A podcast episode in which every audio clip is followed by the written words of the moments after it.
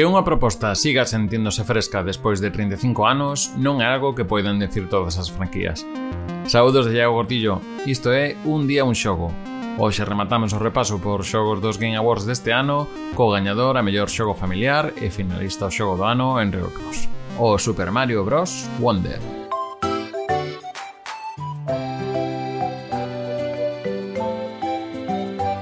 Super Mario Bros. Wonder saíu en outubro de 2023 e é o primeiro Super Mario Bros. en dúas dimensións lanzado desde o 2012 co New Super Mario Bros. U.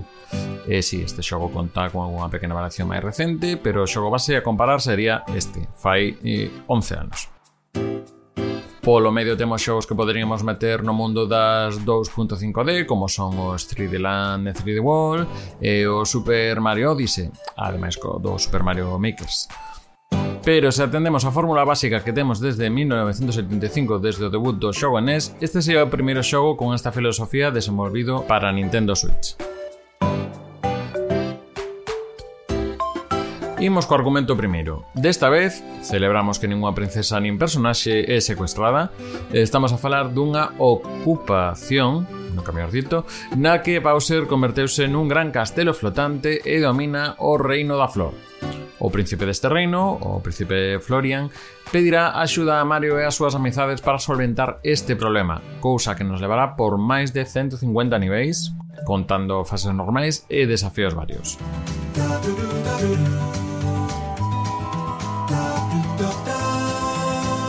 O primeiro polo que destaca este Super Mario Bros. Wonder con respecto aos seus antecesores 2D é no apartado gráfico, en concreto na súa dirección de arte e animacións.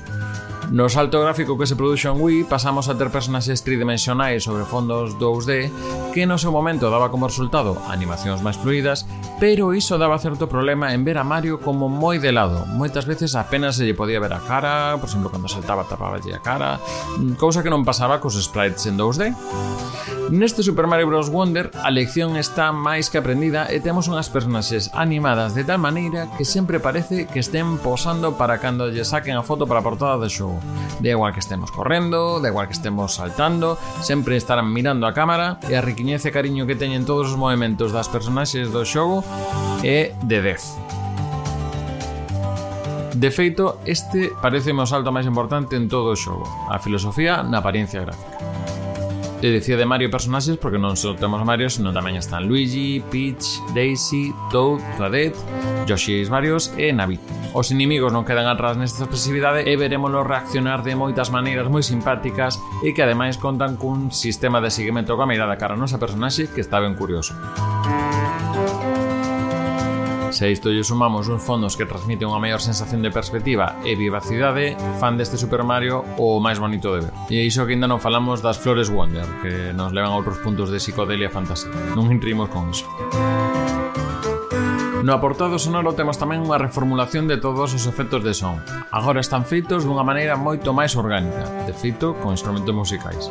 O noso salto será, por exemplo, o son de pulsar un acorde de guitarra, o movimento para pegar unha cuada no chan e un redobre de batería, e así co resto de efectos de son, que lle permite afastarse dos sons máis asociados quizáis á estética con pixel. Na música temos melodías máis agradables que de costume e, aínda que non hai ningún tema raco que me quedas así na cachola moito, sí que aprecio maior variedade. Celebro que xa se asocie directamente a Bowser co rock duro, non sei se ten que ver co de Jack Black facendo as voces na película, e tamén me parecen interesantes as variacións que temos sobre o tema subterráneo, que teñen un maior misterio. O tema subterráneo xa sabedes. Tiriririririn.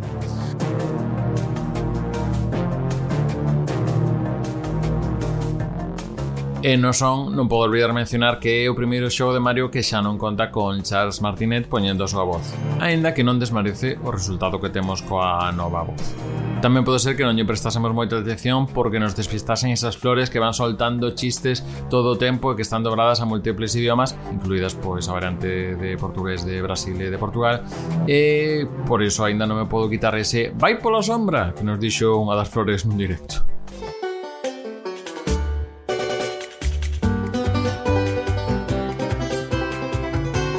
Falemos de mecánicas. Cada un dos xogos 2D de plataforma de Super Mario acostuma ter o seu power-up distintivo e algunha mecánica que o defina, como por exemplo a capa e a aparición de Yoshi no Super Mario World, o Tanuki do Super Mario Bros 3, eh, o de facernos super xigantes no New Super Mario Bros.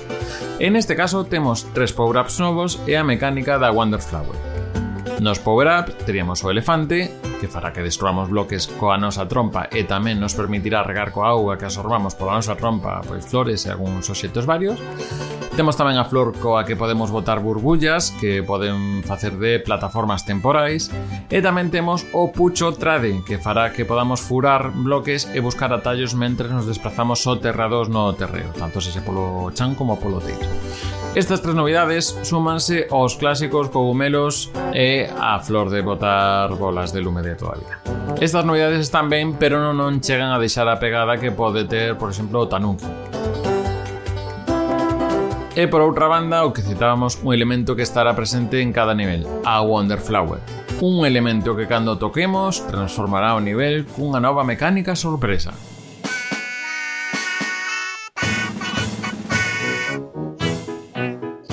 Por citar algunha, pode ser que o nivel se transforme nun musical de plantas piraña, como estamos a escoitar de fondo, ou, por exemplo, pode ser que dé un xiro a perspectiva do nivel para convertirlo nun show con control cenital, ou que algún elemento determinado dese mundo, como poden ser uns carreiros que aparecen nunha das fases, aparecen en masa xerando estampas que nin nos San Fermín. O obxectivo destes momentos é alcanzar unha semente Wonder, que fará que se deteña este momento de maior fantasía e psicodelia.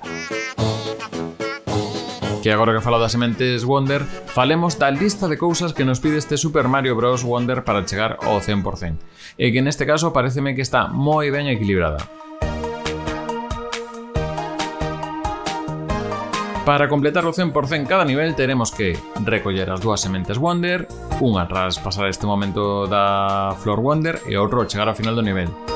Nalgúnha fase pode caixar res, xa hai que explorar máis.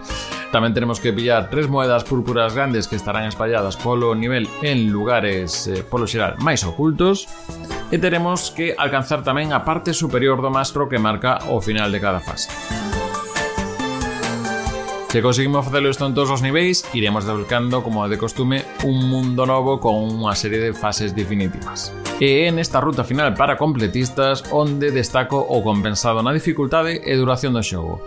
Creo que está no punto xusto entre que a dificultade que é menor que nos momentos máis hardcore dos Super Mario máis recentes, e que a súa vez non precisa de tanta repetición de niveis para desbloquear todos os secretos e que, a verdade, agradezo poder dicir que cunhas 5 ou 6 horas invertidas no xogo unha vez pasado o modo de historia podamos a Deus con satisfacción sen ter que facer cousas tan repetitivas como pasar as fases con dos personaxes.